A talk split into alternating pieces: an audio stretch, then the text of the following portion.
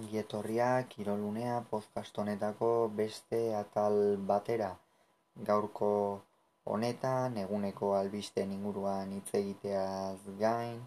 binakako txapelketa nagusiko amargarren jardunaldiaren lehen partidaren inguruan ere hitz egin behar du, oratuko dugu alde batetik burudiko etxea eta aranguren izan direla, bestetik berriz jaka eta Mari Ezkurrena azpetin jokatutako norgeiagokan eta garaipena urdinentzat izan dela hogeita bi eta amabiko emaitzarekin eta besterik gabe beraz, e, as gaitezen, ba, gaur bertan erabaki dira kopako, erre, futboleko errege kopako gizonezkoen txapelketako finala urdenetako partidak, alde batetik raio baiekanok eta Mallorca jokatuko dute, beste alde batetik Valentziak eta Kadizek, realak beti sartuko duanoetan eta Aletikek eta Real Madridek samamesen jokatuko dute bestalde. Ligak hogeita iruaren jardunaldiko norgeiagokak edo ordutegiak aldatu ditu izan ere koparen ondorioz eta hauetxe izango lirak hostilalerako eratuko litzateke Getafe Levante partida bederatzietan. Larun batean ordubietan eltxe alabez laurak eta laurden Mallorca Cadiz seiterdietan zeltak eta raio baiekanok eta bederatzietan osasunak eta sebie, igandean ordu bietan Valentziak eta Realak, laurak eta laurdanetan Bartzelonak eta Atletico Madrile, seiterdietan Betisek eta Villarrealek eta bederatzietan Real Madridek eta Granada. Eta astelenerako bederatzietarako geratuko litzateke Atletik eta Espainolen arteko norgeiagoka bestalde albiste txarrak iristen zaizkigu kasu honetan saskibaloietik berriro ere Baskonia galdu egin baitu Baieren aurka irurogeita amazazpi eta laurogeita lau eta huestxek beraz gaurko e, kirola albistea guazen orain gaurko partidaren inguruan hitz egitera izan ere gaurkoan urrutiko etxe eta aranguren jaka eta mariezkurenaren aurka aritu dira azpeitian oso oso garaipen erosoa lortu dute jakak eta mari ezkurena gogoratuko dugu bi bikoteak galtzetik zeto zela alde batetik urrutiko etxeak eta arangurenek galdu egin zuten buñuelen laso eta imazen aurka eta jakak eta mari ezkurenak berriz peina eta albisuren aurka. Hogetan beraz gaurko partidea oso oso garantzitsua zen funtsezko puntu bat zegoen jokoan jaka eta mari eskurena iru punturekin zazpigaren postuan zeduelako eta burutiko etxe eta aranguren berriz lau punturekin seigarren postuan. Horregatikan jakak eta mari eskurrenak e, irabazi beharra zuten bai edo bai bestela bi punturen aldea lau jardun aldiren falta naundiei izango litzateke aukeran eta partida guztiak irabaztera derrigortuta leudeke iaia jaka eta mari ezkurrena eta ongi probestu dute aukera eta jakak azaldu behar duenean azaldua jaka ez azken finean.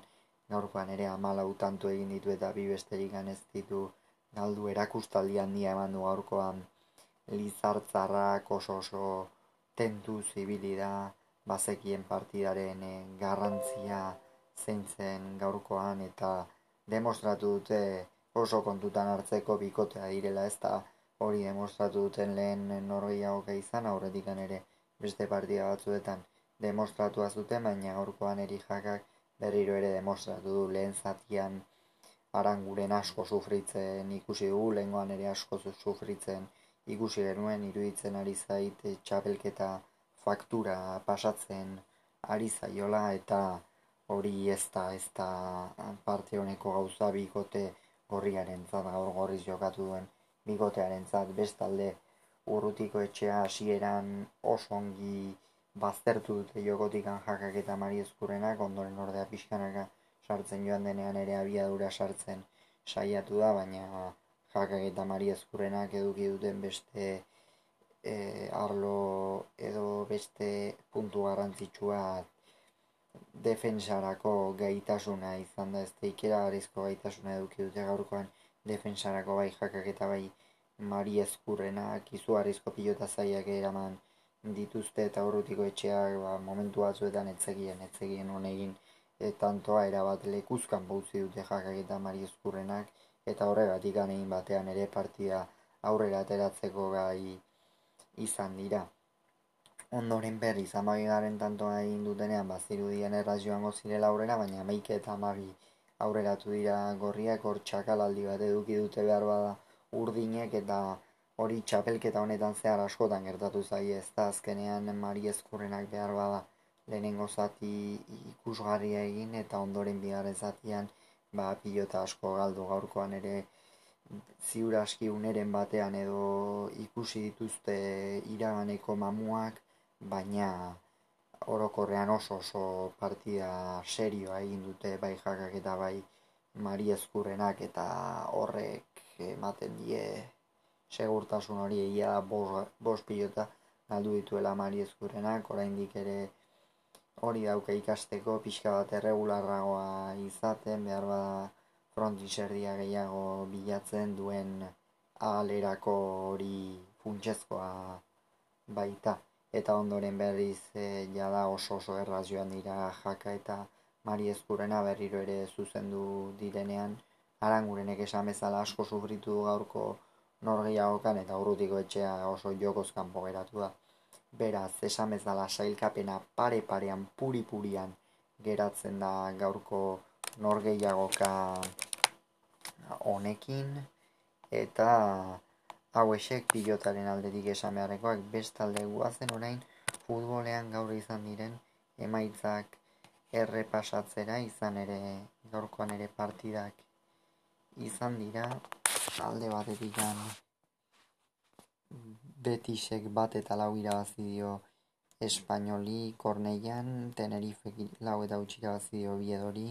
Premierrean Watfordek gutx Norwichek iru, Italiako ligan Elas Beronak bi Boloniak bat,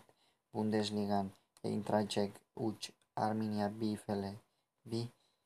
Frantziako ligan Olimpik de Lionek Santetieni bat eta utx irabazi dio. Eta hause izan da gaurko esan beharreko guztia bihar gehiago izango duzue kirolunea podcast honetan eta bestalde azkenik unai alberdiren e, partidaren aipamen txiki bat ere egin behar dugu izan ere gaurkoan egin du debuta azpeitiarrak ez du partida txarra egin baina demostratu du benetan ez zer izan daiteken oso oso pilotari ausarta berak e, definitu zuen bezala bere burua eta zorte honena opa diogu hemendik ez zalantza izpiri gabe. Oraingoan bai hausi izan da guztia, bihar gehiago ongizan urren arte.